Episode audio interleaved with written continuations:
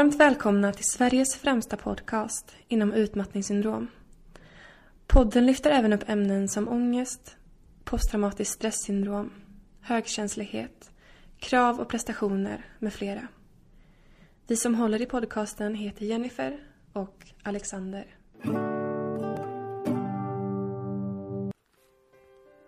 Jag vet inte vad som är mest oväntat.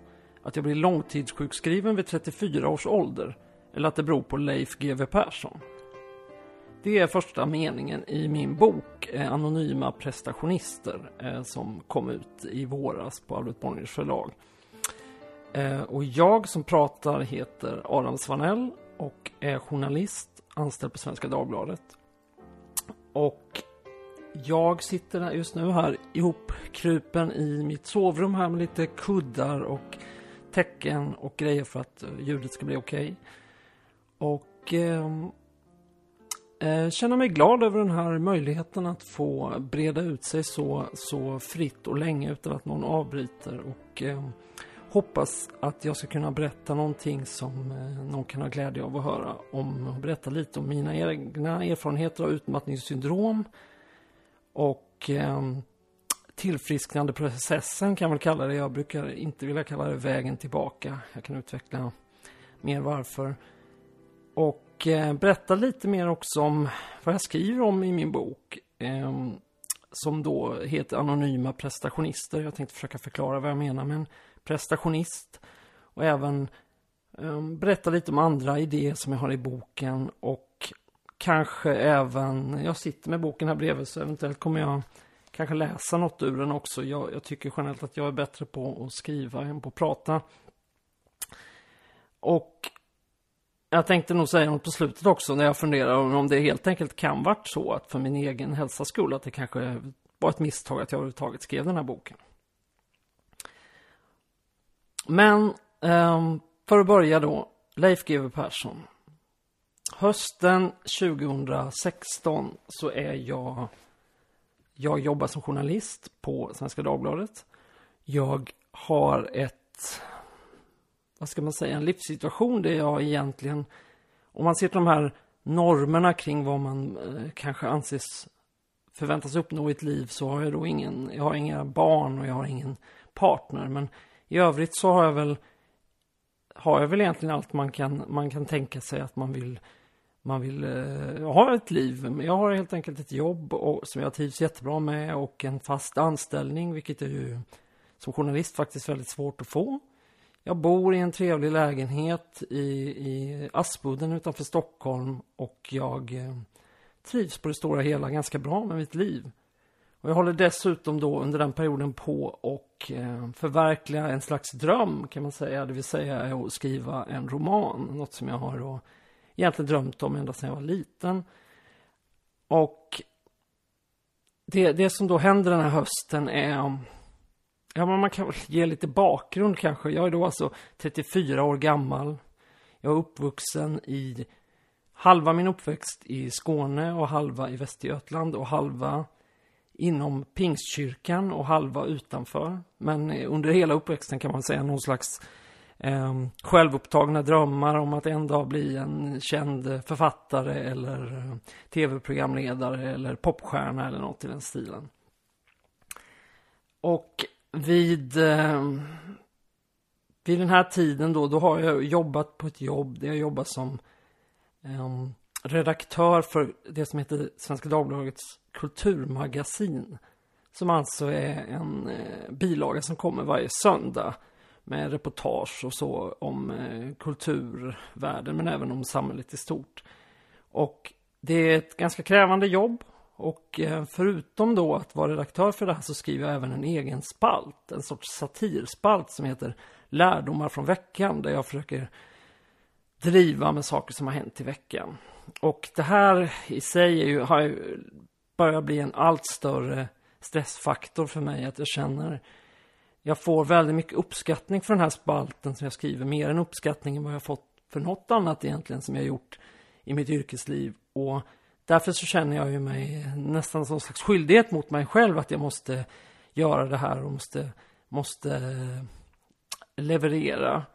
Men, men det som från början när jag började skriva det här några tidigare var något väldigt kul och lustfyllt börjar mer och mer kännas som ett krav och jag känner att det är väldigt svårt att leva upp till. Jag känner att jag ska skriva det varje vecka. Det är svårt att förnya sig och det blir lite likt något som jag gjort tidigare eller ämnena börjar ta slut. Jag, jag känner liksom mer och mer press och det blir, det blir allt oftare så att jag liksom den här spalten skriver jag då på fredagar så det blir allt oftare så att jag jag inser att jag, jag kan inte ens boka in saker på torsdagskvällar utan torsdagen räknar jag med att eh, jag kommer sitta hela kvällen hemma och försöka googla och läsa på och tänka och försöka hitta på någon rolig ingång. Och sen på fredag morgon så går jag upp extra tidigt och åker in till jobbet ingen, innan någon annan är där på min avdelning för att kunna sätta mig i något rum någonstans och, och skriva på den här för att verkligen få ro eh, till det här.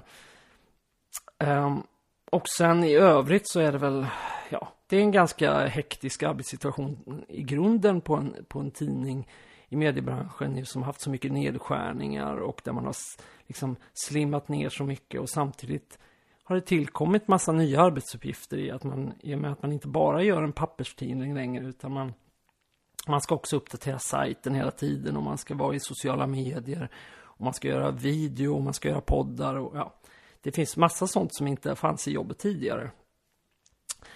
Så här har vi någon slags grund där, där jag redan till att börja med har en ganska och kanske lever mitt liv också på ett sätt som är ganska, jag har liksom aldrig som jag tror att jag skriver i boken, jag har alltid varit mer rädd för att gå miste om saker um, än att kanske um, begå våld på mig själv eller så, utan jag har försökt göra väldigt mycket och jag vill att vara med i olika sammanhang, jag vill att uppleva mycket. Och jag har väl kanske inte varit så bra alltid på, på att bromsa eller ta hand om mig själv och så. Och den här hösten då blir en väldigt intensiv höst och jag har väldigt mycket att göra. Och det är stressigt. Men så vet jag att jag tror, får tänka efter nu, ja, i mitten på oktober till mitten på november ska jag ha en ledig månad. Och den månaden ska jag ägna då, ledig kan man säga inom citationstecken, för jag har då planerat att ägna den här månaden åt att försöka skriva klart en bok som jag hållit på med ett tag. Och det här är ju då som jag nämnde någon slags dröm som håller på att komma i uppfyllelse och att jag har försökt skriva, på en, skriva en roman. Och jag har skickat det halvfärdiga jag skrivit då till ett bokförlag och till min förvåning så har de faktiskt sagt att de, de eh, är intresserade av att ge ut det här.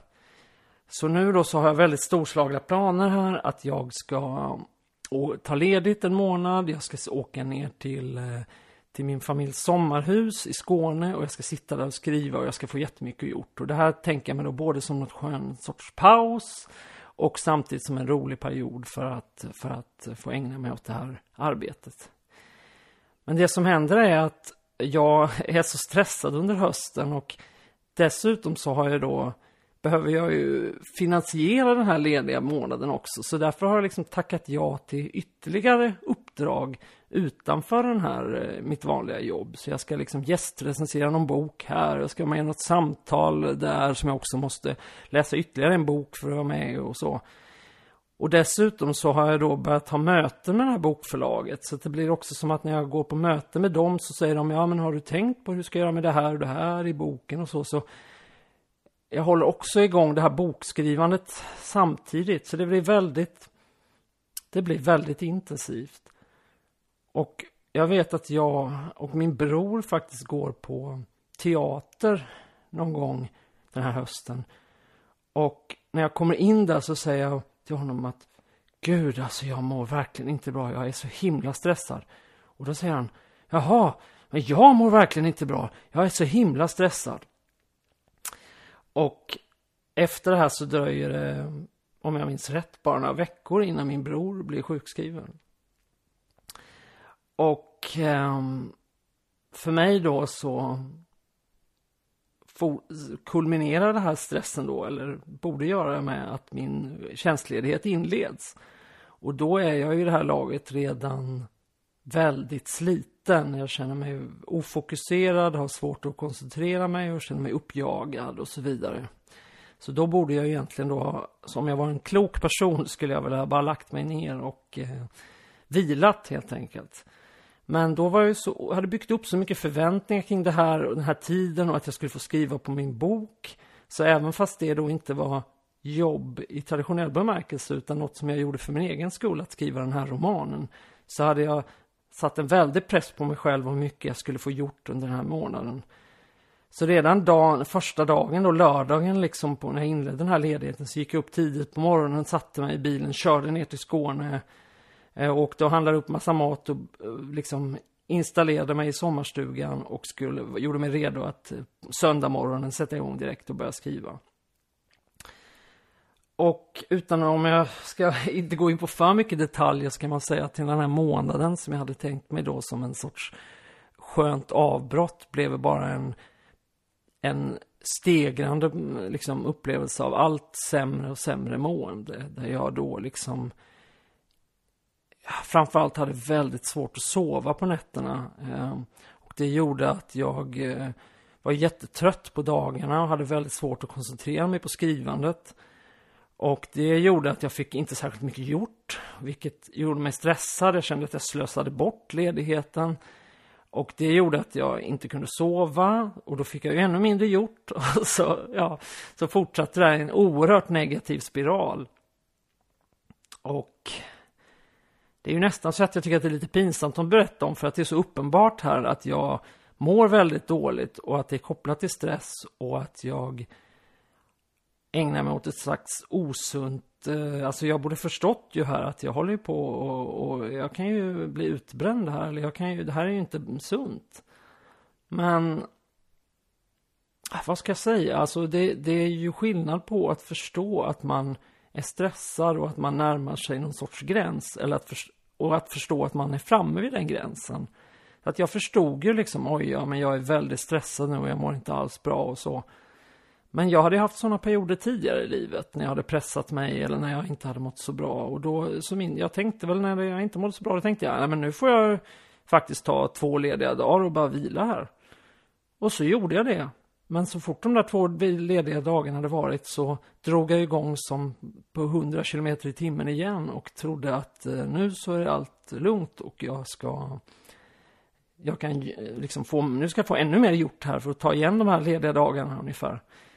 Så att jag mådde egentligen bara sämre och sämre och fick mindre och mindre gjort och eh, kände liksom en total, eh, ja det var svårare och svårare att fokusera och jag fick större och större panik kring det här och blev väldigt lätt irriterad och eh, till slut så kunde jag inte sova ens som jag tog o, två olika sorters sömntabletter samtidigt så låg jag ändå vaken och bara tankar snurrade kring, kring eh, ja, allting egentligen.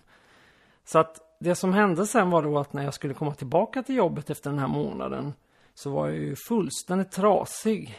Och jag... Eh, vi hade bestämt, jag och min chef, att jag skulle komma tillbaka just det här datumet för att vi då skulle ha något som hette Bokens dag på Oscarsteatern i Stockholm. Och där inför då tusen pers eller vad det är på scen så skulle jag intervjua Leif GW Persson. Och jag hade läst, eller i alla fall skummat, hans nya jättetjocka bok och förberett frågor inför sådär.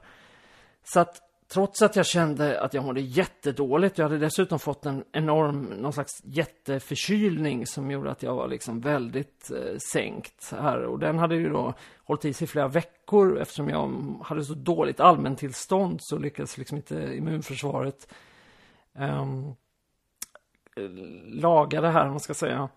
Så att jag, jag stannade hemma från jobbet den här första dagen och, och jag försökte sova. Men så hade jag sagt att jag kommer in på kvällen på Oscarsteatern och gör den där intervjun med Leif GW Persson. Det tar ju bara en kvart. Det är ju, det är ju liksom... Eh, ja, det, det, det, jag, jag intalade mig själv att jag, inte, jag kan, skulle lämna mina kollegor i sticket om jag inte, inte genomför det här. Sen kan jag väl säga, om jag ska vara ärlig i efterhand, att, att jag tror att det handlar väl lika mycket om att jag tycker det är kul att få stå på scen och jag vill inte gå miste om den här chansen att få stå där och glänsa liksom. um, men i alla fall det som hände var att jag satt hemma i lägenheten. Jag hade till och med putsat skorna och gjort allting klart för att vara egentligen redo för att åka in till Oscarsteatern. Och då så började egentligen snurra kan man säga. Jag har lite svårt och avgöra vad som kom först. Om det var liksom panikkänslorna och oron eller om det var den här mer kroppsliga känslan. Men det var alltså en panikångestattack jag upplevde, men jag hade aldrig haft en sådan tidigare, så jag, jag förstod inte riktigt det, utan det som hände var att allting kändes väldigt overkligt. Det var som, jag brukar säga att det var som när någon, eh, på en film, när någon har tagit så här dåligt knark. Och allting känns overkligt, proportionerna känns fel, allting. Um, ja, det känns väldigt, väldigt märkligt allting. Och jag kände en stark smärta i bröstet och jag hade liksom nästan svårt att andas. Och jag kände, eh, ja, ihop med det här en, en slags väldig panik över att jag kände, jag har ju ingen som helst kontroll över Eh, jag, jag mår ju oerhört konstigt och då började jag tänka hur kommer det här gå om jag står där inför alla de här tusen personerna på scen och jag har ingen kontroll. Jag kanske glömmer vem jag är eller vem Leif GW Persson är eller vad, vad jag är eller vad jag ska säga. Och, och, och det gjorde bara allting ännu värre. Jag försökte lägga mig ner och, och liksom samla mig men, men jag mådde inte bättre utan det här bara pågick.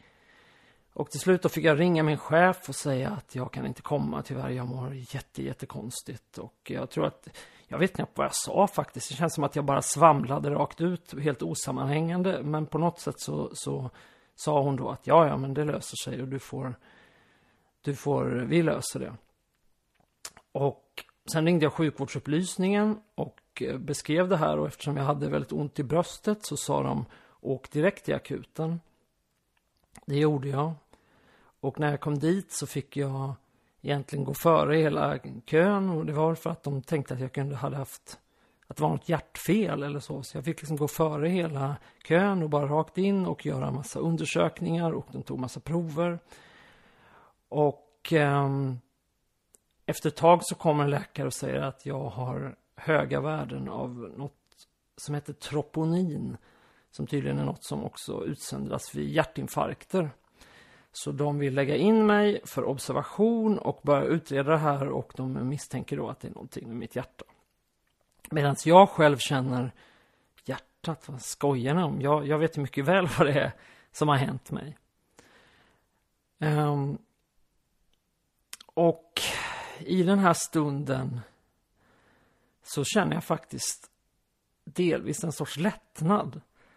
Eh, det låter ju sjukt att säga, men det var ju som att jag hade sprungit så fort så länge och, och pressat mig själv så mycket och eh, struntat i min kroppssignaler. Att eh, när någon faktiskt sa nu, nej men nu, nu kan du inte göra det här, nu är du sjuk, nu ska du ligga här på sjukhuset och bara, bara ligga här så var det som att det var ganska skönt att få tillåtelse på något sätt.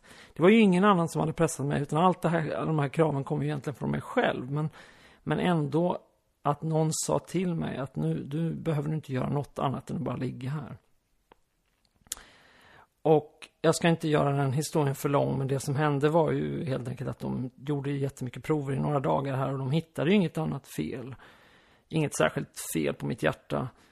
Och och eh, däremot så talade jag med en kompis till mig som är allmänläkare och jag misstänkte ju att det här var stressrelaterat det jag upplevde, eller jag var nästan säker på det.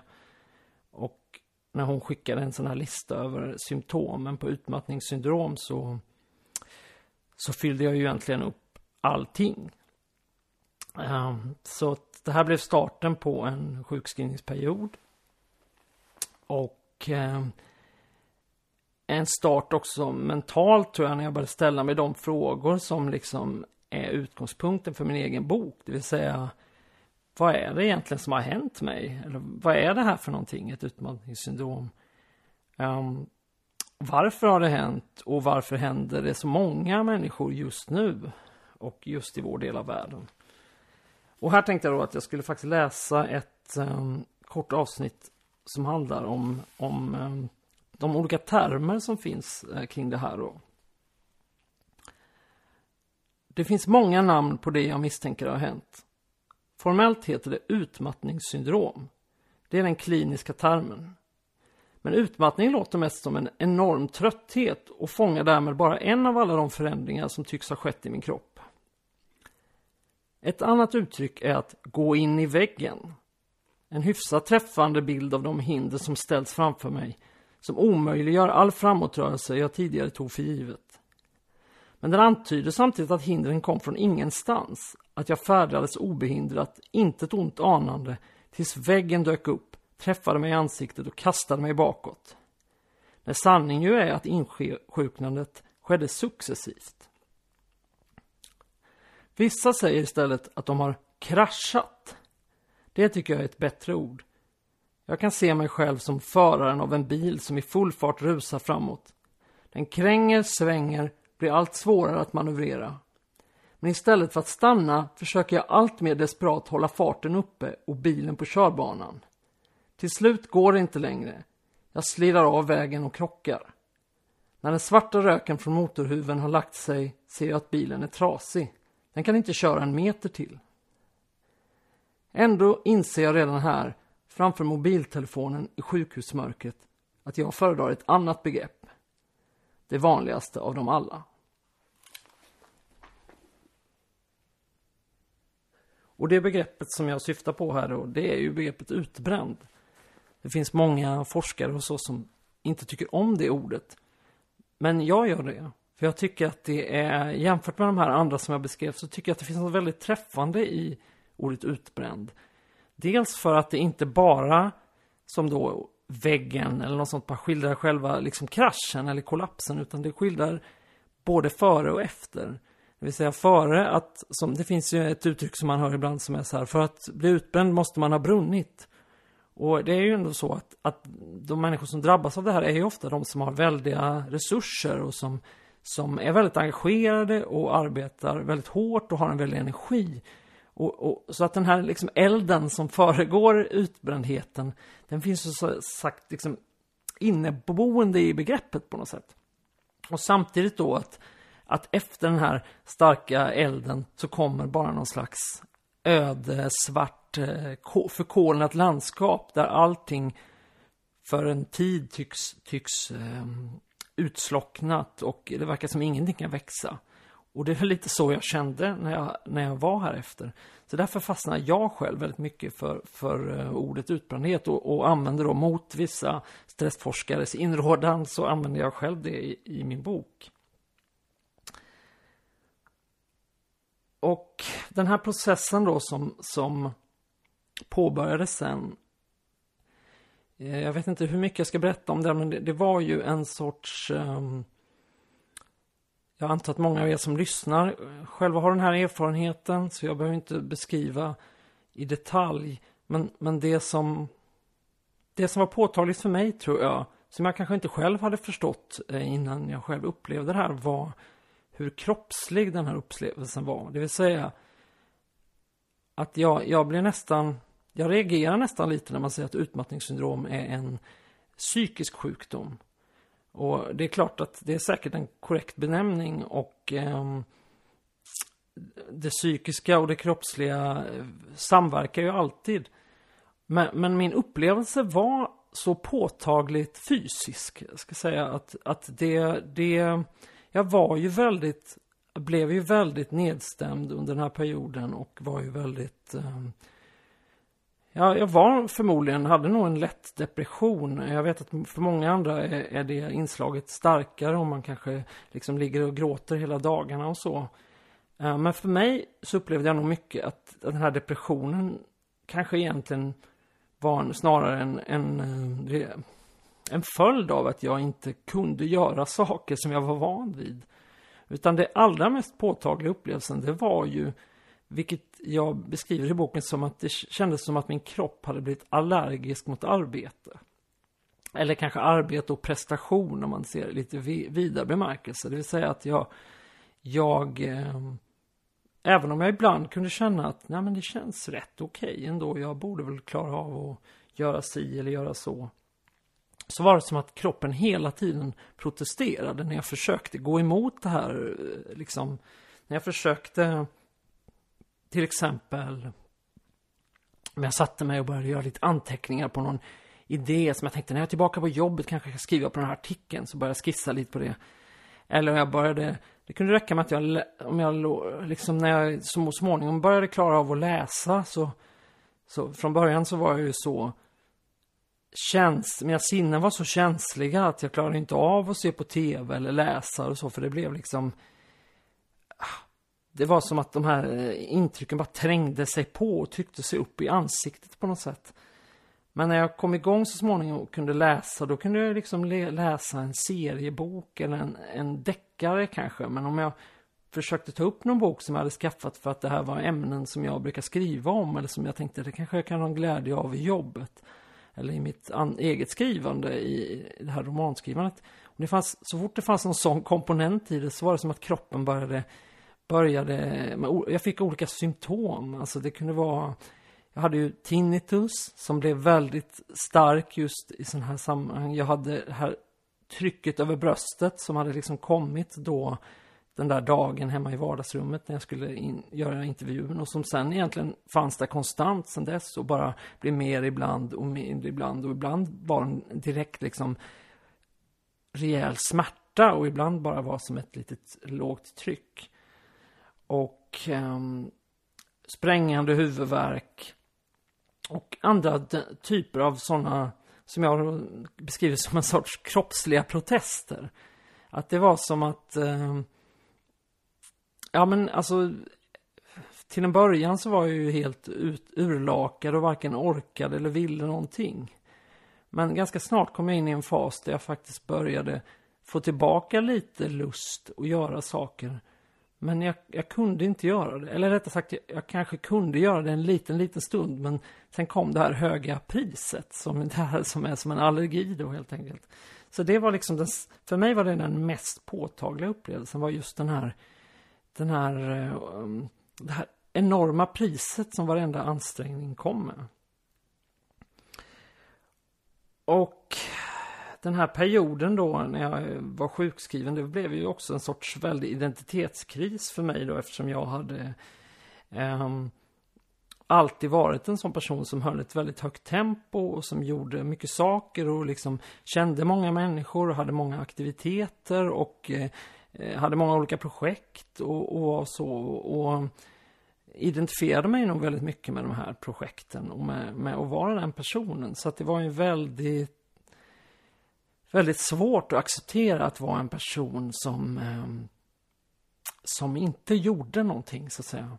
Och jag tror faktiskt att det var därför eh, delvis jag kom att skriva om det här så småningom. För att jag det blev som en, eh, ett sätt, en copingmekanism kanske man kan kalla det. Alltså att för mig att, att stå ut med det här var att jag eh, ibland när jag hade ork kanske pletade ner några rader om vad jag tänkte och kände. För att jag hade någon slags vag idé om att en dag kanske jag kan skriva något om det här. Och i så fall har det inte bara varit förgäves, eller vad jag ska säga. Ser hur marinerad jag var i, i sånt här prestationstänkande ändå. Men så småningom då, efter några månader, så fick jag då börja i, i rehabilitering. Eh, multimodal rehabilitering som det heter. Och eh, där jag bland annat gick i, i KBT och jag hade en fysioterapeut och eh, en specialistläkare som jag gick till då och ehm, ja, olika, diverse olika delar av den här. Men huvud, huvudgrejen i det här var en grupp med andra personer då som hade samma diagnos. Som man gick i först i en sorts kurs som var en kurs i eh, stresshantering egentligen tror jag det kallades. Och sen en vidare, fortsatte en kurs i avslappning. Så det här blev ju i praktiken som en sorts gruppterapi. Och det är därifrån jag har då döpt min bok till Anonyma prestationister. För det var så det kändes när vi satt där Um, jag tror att det var något jag bara sa till någon kompis på skämt först. Ja, jag tänker att vi är som anonyma prestationister. Men sen när jag väl började sätta mig in i det här med, med utmattning och utbrändhet mer och började läsa forskning och så senare, då insåg jag ju att, att det här faktiskt var en återkommande liknelse. Att man liknade det sådana personer som oss eh, upplevde, eller vårt problem, att det påminde om, om en sorts beroende. Och eh, alltså det, det, man kan säga var återkommande för många som blir, eh, blir utbrända är att man har sån här prestationsbaserad självkänsla. Det vill säga att man värderar sig själv väldigt mycket utifrån vad man presterar och inte liksom utifrån vem man är. Och eh, då insåg jag att det är ganska många som menar att den här, har man prestationsbaserad självkänsla som, som jag och de här andra personerna i min grupp hade, då, då, kan det nästan, då menar vissa att det kan vara som, nästan som en, en, kick man söker. Den här prestationskicken blir istället som istället för kicken från, från eh, om man dricker alkohol eller tar någon drog eller så. Den dövande positiva känslan man hela tiden söker. Men sen då kan jag säga nu i efterhand efter att boken har kommit ut att jag samtidigt har insett att vissa, vissa läsare kanske, eller i alla fall särskilt folk som inte har läst boken utan bara hört talas om den kanske har tolkat det här väldigt bokstavligt. Och det, där vill jag kanske vara tydlig med att, att jag menar inte bokstavligt att, att eh, det vi som blir utbrända har ett, att betrakta som ett beroende. För att dels så tror jag att det kan ju upplevas nästan som att man förringar vad det är att ha ett beroende. För det är inte så att, att vi måste ha en prestation så att vi ligger och skakar och, och, och säljer liksom eh, eh, mormors silver för, för att ha råd med en prestation. Eh, eller så. Eh, och, och, sen så kallas ju nästan alltid, det pratas om shoppingberoende och allt möjligt beroende idag. Så jag kan känna att det kanske finns lite inflation i det begreppet också. Eh, så jag menar inte så bokstavligt, utan det är mer som ett litet lekfullt sätt att tänka på det. Eh, och sen då vill jag dessutom poängtera att det handlar ju, alltså om man säger, pratar om det på det sättet så kan man ju få bilden av att det bara handlar om liksom individens beteende och sårbarhet. Och mycket av min tes i boken är ju att, att vi är så många som, som råkar ut för det här nu. Är inte, jag tror inte man kan reducera det till en individfråga utan det är ju ett tecken på någonting större i vår tid och i samhället. Men i alla fall i den här gruppen då så träffar jag ju då de här pers andra personerna och några av dem berättar jag om i min bok också. Och det, det tycker jag är en intressant grej. Jag vet inte hur utbrett det är, men i den värld jag rör mig bland så här människor i, i medelklassen som jobbar med media och som jobbar med kultur så stöter jag ofta på en bild av att personer som har en sån här typ prestationsbaserad självkänsla eller väldigt, går in väldigt mycket för att vara duktiga och så. Att det är just något slags, bara ett medelklassproblem bland folk som jobbar i kreativa yrken eller något i den stilen. Och det är ju, var ju någonting som, som eh, mina upplevelser från den här gruppen var ju, sa ju något helt annat. Utan vi som satt i den här gruppen, vi hade ju väldigt olika vi var ju väldigt olika personer i olika åldrar med olika yrken och olika erfarenheter men som alla då delade den här dels den här diagnosen men också en ganska lik personlighetstyp och en lik problematik. Ja, i alla fall så småningom så kommer jag då börja komma tillbaka till jobbet på, på efter fyra månader var det kanske. Så började jag jobba igen på 25 procent på mitt gamla jobb med bara i princip mest vad det är var tanken. Och egentligen så var det väl, alltså då upplevde jag dels en väldig sorts skam tror jag. Över att, över att jag gjorde så lite och såg alla andra springa i, i så högt tempo och eh, jag själv gjorde så lite. Men samtidigt så var det ju, det var där och då som jag insåg verkligen hur sjuk jag faktiskt var på något sätt. För att det är ju lättare och man inte, när man är sjukskriven och inte gör någonting så så kan man ibland få för sig, men jag kanske har återhämtat mig ganska mycket nu. Men, men så fort jag då kom tillbaka på arb i arbetet så förstod jag hur lite det krävdes för att jag skulle få alla de här symptomen. Och också hur oerhört känslig jag hade blivit. Alltså det var väldigt mycket sådär att någon kollega sa någonting lite men ja men nu något halv, halvskeptiskt om någonting jag hade gjort eller något. Eller bara tyckte annorlunda och så blev jag oerhört sårad och gick och ältade det här och sen kanske någon vecka senare kanske jag inser att den menade nog inte så illa. Så att jag känner mig oerhört naken också och, och bräcklig liksom. Um, och det som hände också var väl att jag fick en ny blick på mitt eget arbete. Det här skriver jag mycket om i boken just om hur det är, alltså vad, vad är det som gör ett arbete riskabelt ur stresssynpunkt? Och eh, jag ska inte gå in för mycket på det, men men som sagt, mediebranschen är ju en bransch där man, haft, man har väldigt mycket otrygga anställningar. Man har haft mycket nedskärningar och det är väldigt tajt. Och man, man förväntas multitaska väldigt mycket. Alltså det är, jag, jag har ju då mitt, mitt kanske viktigaste arbetsredskap, skriver jag i boken, är ett, heter Peltor X5A. Och det är ett par hörselkåpor som är gjorda egentligen för gruvarbete tror jag. De är extra tåliga för att man jobbar på extra högljudda arbetsplatser. Och sådana har jag då. Jag sitter i kontorslandskapet. Där vi sitter ihopträngda, väldigt många personer och det är väldigt hög ljudvolym. Väldigt svårt att få fokusera. Och väldigt många olika digitala verktyg där du ploppar in i chattprogrammet här och mejlen där och det är väldigt mycket olika, ja, olika saker som, som man förväntas hålla igång. Det här med att multitaska, det är ju någonting som, som anses fint idag, men som jag ska se, jag ska inte läsa hela stycket, men en rolig grej som jag har med i boken är att jag har läst på om uttrycket att ha många järn i elden. Och det kommer från början från ett talesätt som löd Den som har för många järn i elden bränner några.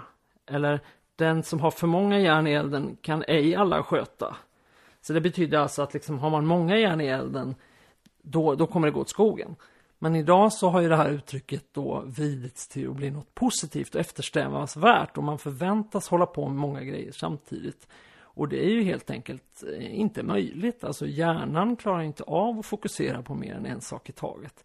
Så att en sån arbetsmiljö som jag har arbetat i där man, där man eh, där det är väldigt mycket intryck och man blir avbruten hela tiden och så är ju egentligen bara jättedåligt. Och av alla i min bok skriver jag väldigt mycket om ordet stress också och vad det betyder. Det finns ju, det kanske förvånar många, men det finns ingen definition, allmänt vedertagen definition av ordet stress. Utan jag tror det finns 40 olika förslag inom forskningen på hur man ska definiera vad stress är och det, det, de är väldigt olika. Men, men en av de bästa beskriv... eller jag vet inte om det, men det, en som var väldigt, för mig en aha-upplevelse att läsa var en bok av av stressforskaren Alexander Persky och en vetenskapsjournalist som heter Joanna Rose. Eller Rose, jag vet inte hur det uttalas. De, de beskriver i alla fall stress, att ett sätt att se på vad stress är, att det är motsatsen till flow. Och ni vet, flow kallar man ju det när man så kommer in i ett väldigt kreativt eh, flöde sådär. Man, är, man liksom nästan glömmer världen om, runt omkring för att man är så uppe i någonting så att man liksom Ehm. man får ett väldigt eh, flyt liksom i, den här, i stunden när man håller på med någonting. Och det är något som kan uppstå ibland när man är väldigt fokuserad. Och då säger de att man kan säga att stress är motsatsen till det. Och det talade väldigt mycket till mig och mina upplevelser av, eh, av det här att sitta på jobbet och, och försöka och väldigt svårt att liksom få ro och koncentrera sig. Det händer hela tiden olika saker, olika saker pockar på ens uppmärksamhet och eh, ja, och så. Så att det, det, ja, det var i alla fall, blev väldigt tydligt. Och det som också blev tydligt till mig när jag kom tillbaka och såg mitt jobb då med den här nya erfarenheten i blicken var väl liksom att andra saker som, som eh, kännetecknade mitt jobb var ju till exempel att eh, vi mätte allting så mycket, eller mäter allting så mycket. Att nu när man jobbar med en tidning så får man statistik över hur många har läst din artikel, eh, hur långt i artikeln läste de, hur många har delat den på Facebook, hur många har delat den på Twitter eh, och så vidare och så vidare och så vidare. Och det här eh, blir ju, allting utvärderas ju utifrån de här siffrorna och det blir väldigt tydligt om du har en dålig period eller om du bara, som i mitt fall då med den här satirspalten, att det, mina siffror som då hade varit väldigt höga ett tag gick ner lite och det blev en väldig stressfaktor. Och en annan sak som kännetecknar jobbet mycket som journalist är ju att det liksom, det förväntas vara som ett kall nästan. Man förväntas älska sitt arbete. Det kan, man kan inte, inte okej okay att bara vara så här, ja men jag går in på jobbet och river av det, det är bara för att få liksom lönechecken. Utan man förväntas se, vara väldigt investerad. Och om jag ska göra en utvikning där då så är ju det någonting som jag då resonerar vidare om i boken. Att jag börjar med att prata om, okej okay, vi i gruppen vi är någon sorts prestationister. Men ju, ju mer jag tänker på det här och ju mer jag erfarenhet har så börjar jag mer undra, är det inte snarare så att hela, är vi, är det vi som är sjuka så att säga, eller är det hela, hela vår tid som lider av något som man då skulle kunna kalla prestationism? Och för att ta lite exempel då så, så märkte jag ju liksom när jag när jag gick i den här rehabiliteringen så fick jag ju då, man fick en massa uppgifter. Man skulle träna på att ändra beteenden och man skulle skaffa sunda vanor. Um, men efter ett tag så började jag märka att jag hade lyckats förvandla de här sunda vanorna till osunda prestationer. Så att jag liksom skulle börja träna när jag fick ork till det och då så plötsligt Ehm, blev jag väldigt motiverad att jag skulle liksom cykla lite snabbare för varje vecka på motionscykeln och jag började promenera mycket och då så blev jag Um, då, då, så var jag liksom, blev jag besatt att jag skulle komma upp i 12 000 steg varje dag och så vidare. Så att det var, och i gruppen så kände jag att jag liksom um, försökte glänsa lite och ha de smartaste insikterna, har lärt mig mest. Det var som att jag ville liksom bli bäst på att sluta prestera. Uh, och, och, och, eh, när jag liksom läste på om det här med själv, uh, vad heter det, prestationsbaserad självkänsla så kände jag inte igen mig i de här teorierna. Det var, teorierna sa liksom att det ofta kom av att man hade haft en uppväxt där man bara blev, fick beröm när man gjorde något bra eller att man har varit ett maskrosbarn och så. Och det, det stämde liksom inte riktigt med mig. Så då funderar jag, vad är det som har gjort att jag har fått prestationsbaserad självkänsla? Är det verkligen mina föräldrar eller är det snarare liksom den, det, den värld och den tid jag lever i? Och när jag började se mig omkring så tyckte jag jag såg det här överallt. Att liksom, det var som att till och med min meditationsapp sa till mig. Nu har du mediterat si och så många timmar. Dela med dig av din statistik på Facebook.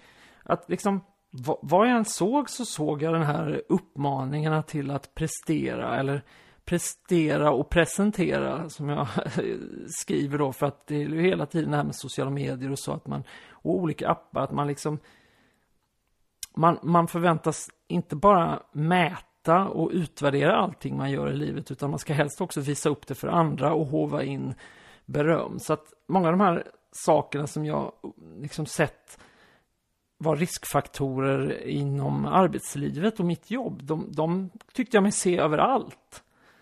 Och det, det, finns, det finns så många, jag skriver mycket om det här i boken, det finns, jag kan gå in på det hur mycket som helst, men men dels tycker jag att det finns ju den här liksom arbetslinjen som vi har, att när man arb arbete ses ju som liksom lösningen på allting i princip i samhället. Att har vi problem i samhället ska vi skapa nya arbeten och som individ så räknas man liksom, det anses livsfarligt att inte ha ett arbete och man, och man ska också då, som jag var inne på innan, nästan älska sitt arbete.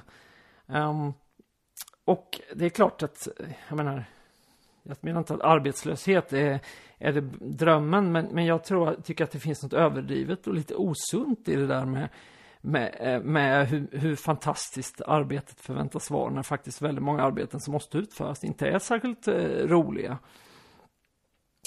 Och så tycker jag att det här också på något sätt eh, Ja men som jag var inne på då, alltså att liksom det här med mätning och att man ska maximera och göra det bästa av allting, att man ska vara produktiv och att man ska bli bedömd. Att det, är, liksom, det är som att den här arbetslinjen linjen har flyttat in i, i privatlivet också. Och ofta så, så framstår livet nästan som en sorts tävling där allt, allt, går ut, allt utgår från individen. Man ska förverkliga sig själv, man ska förverkliga sina drömmar och man ska liksom på något sätt Alltså Det finns så mycket det här liksom att eh, den här tävlings... Eh, språket, den, det genomsyrar så mycket som till exempel då så hade ju Försäkringskassan en kampanj under den här tiden jag var sjuk där de pratade just om att eh, hur dåligt det var med, kunde vara och riskabelt att bli sjukskriven ungefär. Och då sa de att alla behövs i laget Sverige. Så där är liksom en metafor om Förut sa man i folkhemmet att det var liksom ett hem där man hörde hemma, där man kunde vila och så som, som, som Sverige skulle vara. Men nu ska Sverige då alltså vara ett lag som tävlar mot andra länder och där alla måste tvingas ut på plan direkt och in, ingen får, får vila. Så att Ja, jag vet, i det här kapitlet som handlar särskilt om detta eh, i min bok så skriver jag även en del om den här framgångspodden som ni kanske känner till. Det är alltså, i alla fall när jag skrev boken så var det den näst mest lyssnade podden i hela Sverige. Och det tänkte jag, om det är liksom hundratusentals människor varje vecka som sitter och lyssnar på det här, vad, vad är det då för ett budskap som, som som går ut här till alla de här. Och det handlar ju om att olika framgångsrika personer berättar hur de gör för att bli bäst på allt och sätta skyhöga mål, uppnå dem och bli en av dem som lyckas. Underförstått att alla andra då är misslyckade, som inte är en av de här få. Och det finns ett, jag kan plocka fram det här. Det finns ett citat av det från alla de här avsnitten jag lyssnat på som jag tyckte var särskilt sorgligt.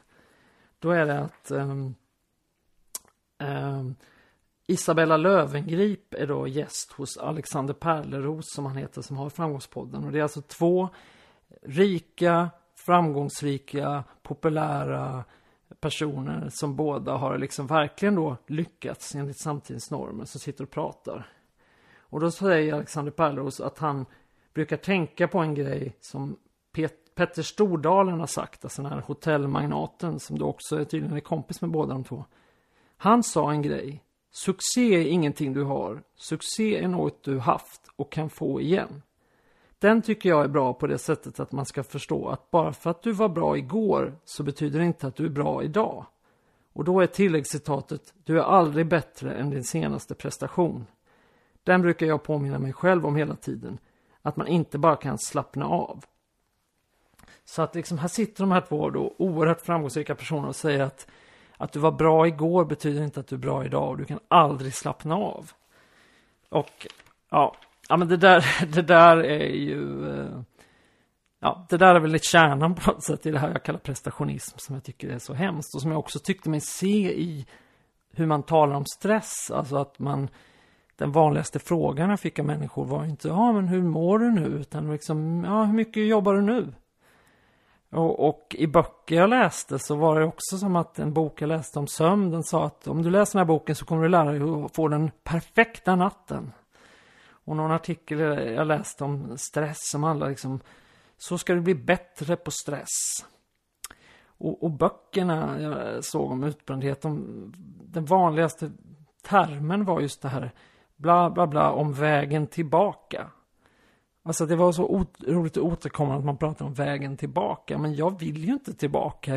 Jag, jag vill ju liksom eh, till något helt nytt, till något annat. Men det var så oerhört fokus i detta med att man ska tillbaka och bli en sorts produktiv prestationist igen.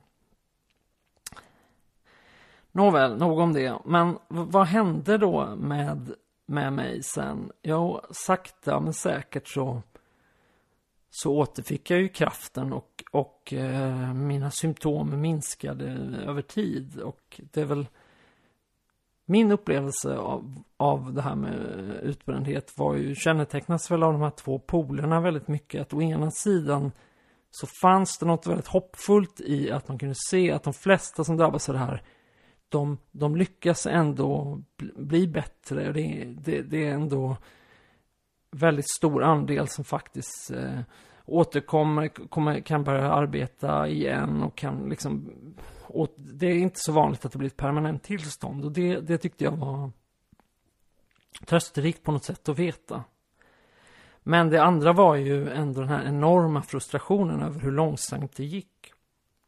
Och nu när jag ser tillbaka så dröjde det egentligen bara lite mer än ett år innan jag min sjukskrivning var över och eh, det är klart att det tog flera år innan jag kunde fungera någorlunda som jag gjorde innan dess. Eller jag kommer aldrig kunna göra det, men när jag ser tillbaka så kan jag tycka att det inte var så, var så jättelång tid. Jag vet att många andra har, har det svårare och eh, liksom får kämpa mycket längre.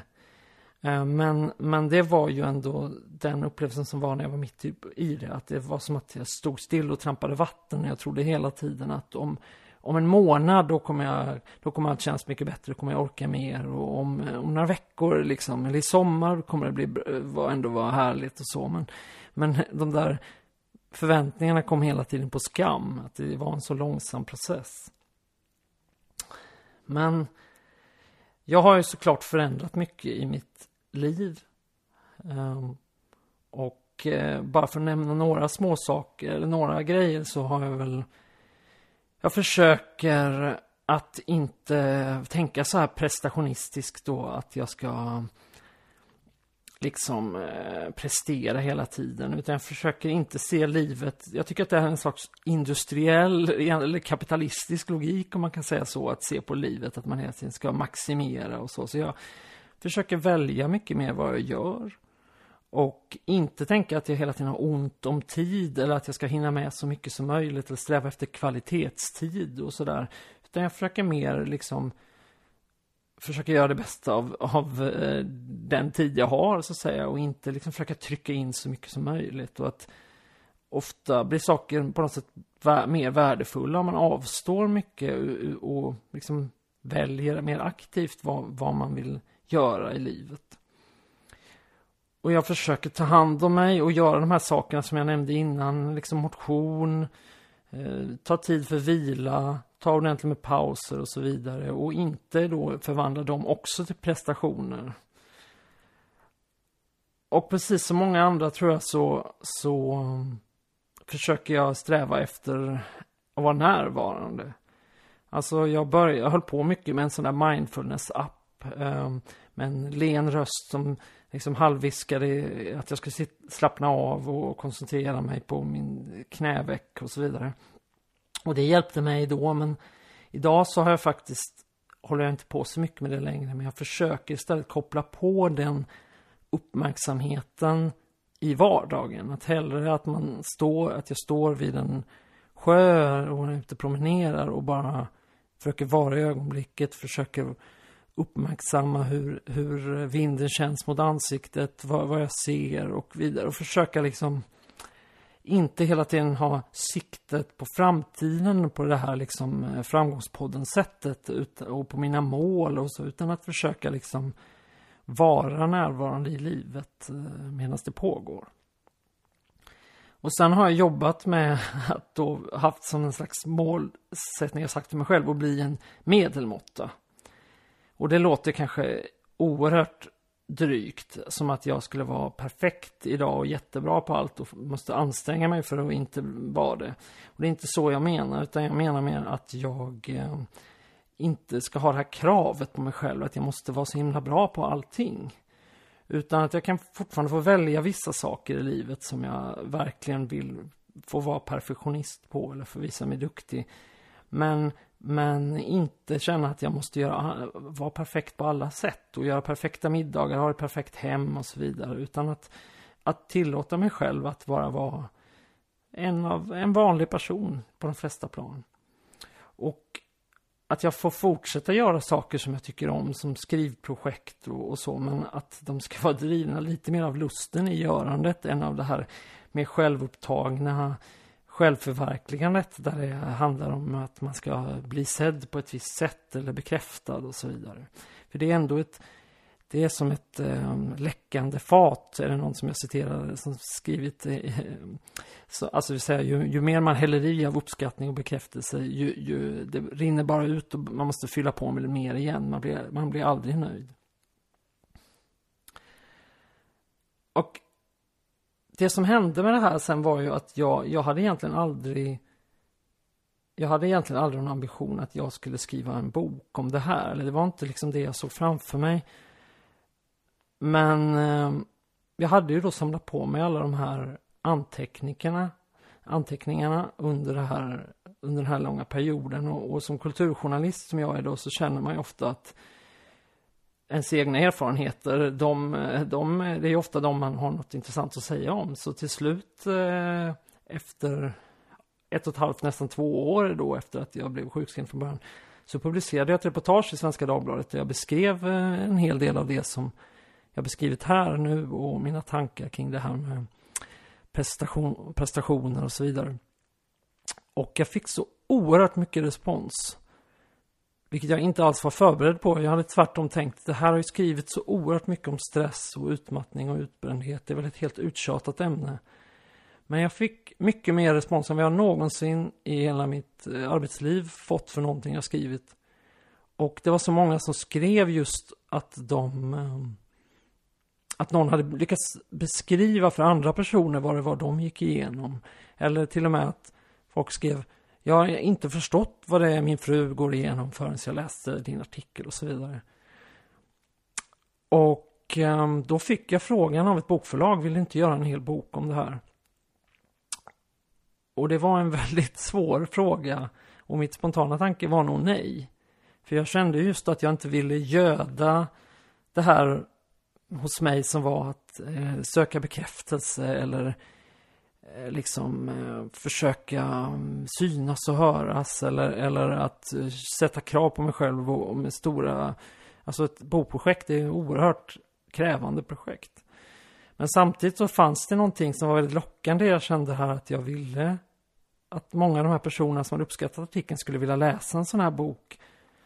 Och jag hade också börjat se mer och mer att det faktiskt fanns så mycket missförstånd kring det här med utmattning och utbrändhet. Alltså jag, jag tror att innan jag drabbades själv så tyckte jag att det har ju funnits så länge nu och det är, så, det är väl helt okontroversiellt.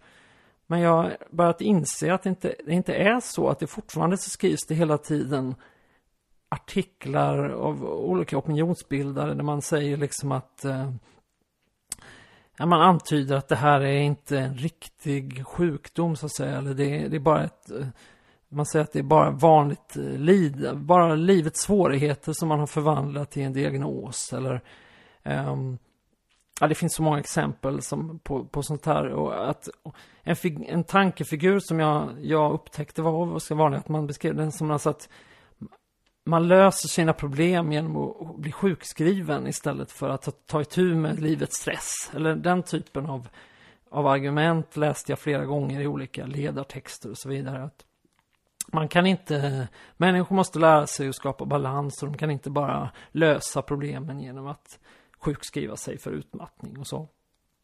Och det här kände jag ett behov av att bemöta, för det var ju, för mig var det så tydligt att den här sjukdomen, sjukdomen, den har inte varit någon lösning på någonting. För att jag, jag hade ju då precis i början känt den här lättnaden som jag beskrev tidigare. Men den varade ju kanske i, några, i en vecka kanske. Och sen så var det år efter år av en enorm frustration istället. Och jag kände inte som att jag hade blivit frigjord av några, att mina bojor hade, hade vad säger man, att jag hade blivit frigjord av några bojor liksom i och med den här utmattningen. Utan tvärtom hade det kändes det som en, en sorts tvångströja som hade satt sig på mig. Och under många år hindrat mig från saker som jag ville göra. Så att um, det fanns flera anledningar att jag ville, kände att jag faktiskt ville skriva den här boken och beskriva vad jag varit med om. Och också, det finns ju väldigt många böcker om eh, andra personer som, som precis som i den här podden väldigt eh, modigt och öppet berättar om sina erfarenheter. Eh, och det finns också många böcker av eh, forskare som beskriver stressforskningen i, eh, i detalj och vad, vad man vet om stress medicinskt och så. Men jag kände väl att jag eh, som journalist och som kulturjournalist kanske kunde liksom gifta ihop min egen historia med forskning och, och för att det finns också väldigt mycket lite hokus pokus och ovetenskapliga idéer om det här eh, om, i självhjälpsböcker och så. Jag ville så gå till vad, vad, vet vi faktiskt och vad, vad, vad vet man om stress och, och verkligen un, väl underbyggt. Och sen då samtidigt att väva ihop det med det här lite mer eh, kulturjournalistiska sättet att skriva när man skriver om olika samtidsfenomen och värderingar och det här med prestationism och så som jag redan har pratat om. Så att det slutar med att jag tackade ja till att skriva den här boken och tog ledigt i ett halvår för att, som jag tyckte var en ocean av tid för att jag skulle klara av att skriva det här utan att bli sjuk igen. Men vad tror ni hände? Ja, alltså det som var att den här processen var ju Trots att jag hade tagit så mycket tid tyckte jag så gick jag ändå in i den här bokskrivandet med en känsla av att nu verkligen ska jag verkligen nu måste det här bli riktigt, riktigt bra. Och eh, jag tror att jag ganska tidigt i processen, utan att jag knappt tänker på det, började kompromissa lite mer med alla mina sunda vanor som jag hade ska, skaffat mig och började arbeta lite längre dagar och lite Ja men lite sådär, ta, bli lite sämre på att ta pauser och lite sådana saker bara för att jag var så oerhört uppe i det här arbetet. Och eh, min, helt enkelt så spände jag väl bågen för mycket. Det blev en dubbelt så tjock bok som jag hade tänkt från, från början. Och eh, mycket riktigt tog det mycket längre tid också. Och sen så kom sommaren och så skulle jag hinna vara ledig lite under det halvåret och så vidare. Så att eh, när, när det här halvåret hade gått så var jag inte riktigt klar med boken. Utan istället så kom ett förlopp händelseförlopp som var så oerhört likt det som hade hänt eh, tre år tidigare. Så det är nästan lite pinsamt att berätta om. Men, men jag kom tillbaka där på hösten, började jobba igen. Men hade bara lite kvar på boken. Och eh, jag tog två veckors semester i oktober var det väl och, och, skrev liksom i princip dygnet runt där för att bli klar och sen var jag nästan, nästan i mål. Och sen när jag kom tillbaka till jobbet så var jag ju då såklart liksom väldigt uppstressad, uppvarvad och nu kände jag, jag förstod, precis som jag första gången förstod att jag var väldigt stressad så, så insåg jag nu att nu är jag ju faktiskt nära gränsen igen. Jag, jag, det här är inte bra, men, men eh, jag var så oerhört nära och jag hade ett datum, en deadline till förlaget. och Det var planerat att boken skulle komma ut. Den var med i liksom katalogen, eh, vårens böcker och så vidare. Så jag kände mig jag kände mig låst i att nej, men jag måste bli klar med det här. Det är så lite kvar, det är så lite kvar. Och eh, ja, sen så ehm, blev det inte bättre än att jag fick en extra krånglig uppgift på mitt bord på jobbet. Och jag jobbade väldigt intensivt med detta och sen blev jag sjuk. Återigen väldigt likt. Det här var nästan på dagen tre år efter förra gången jag blev sjukskriven också. Så blev jag väldigt sjuk. Eh, igen, liksom jätteförkyld och så. Men då var det bara några dagar till publicering av det här jag höll på med. Så jag, istället för sjukanmälan mig så låg jag hemma i sängen och jobbade de där sista dagarna. Och eh, ja, det, jag blev helt enkelt eh, jag, det slutade med att jag fick tillbaka i princip alla mina symptom. Och satt till slut där på vårdcentralen igen. Med och träffade en ny läkare och fick en ny sjukskrivning för utmattningssyndrom. Och den här gången kände jag ingen som helst lättnad. Jag kände mig bara så um,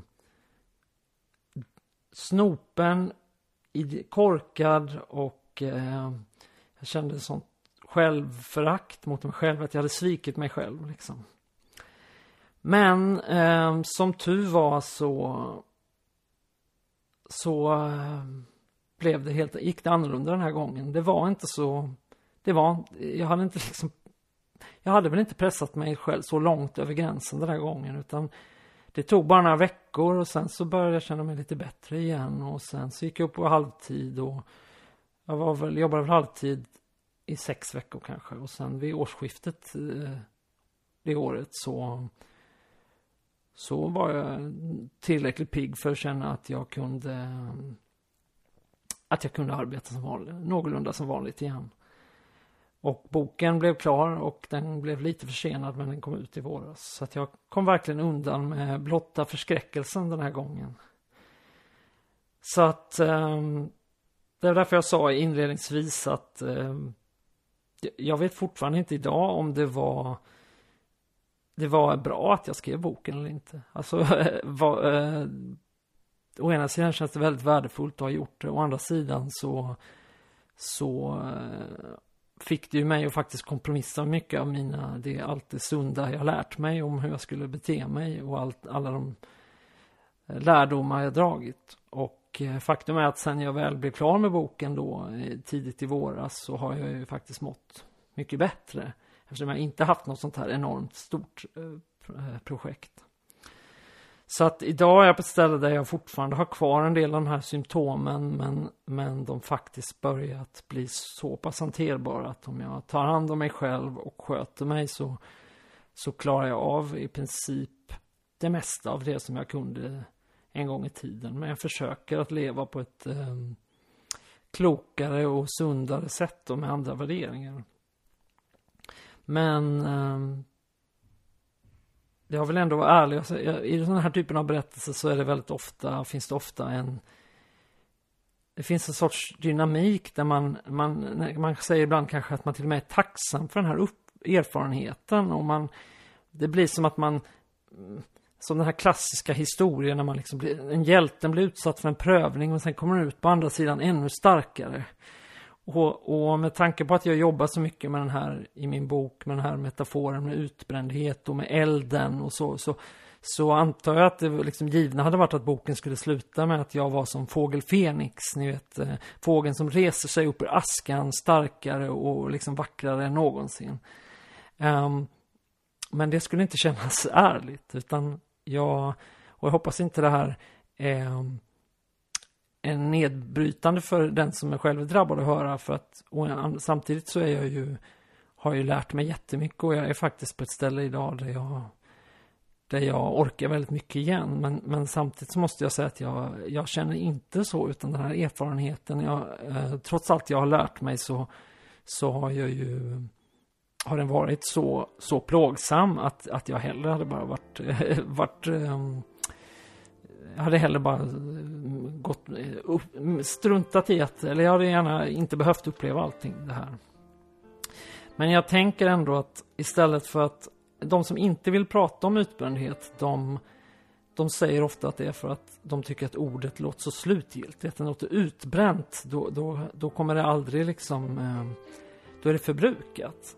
Men där tänker jag att man kan tänka lite annorlunda. Att det finns ju faktiskt eh, nytt liv som kan komma upp efter en brand. Och i, i min bok i slutet så skriver jag faktiskt om sådana här pyrofila arter som det heter. Det vill säga det finns vissa växter som bara kan börja växa i, eh, efter en stor skogsbrand och när, när marken förkolnats.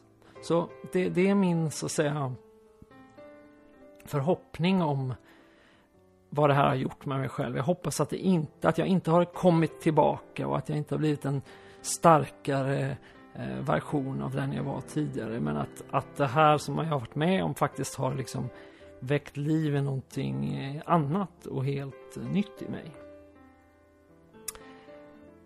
Ja, och det var väl det sista jag hade att säga. Tack så jättemycket för att jag fick komma hit och min bok kommer i pocket till våren också i februari. Men den finns att köpa som inbunden nu och jag blir jätteglad och hedrad om ni vill läsa den. Tack!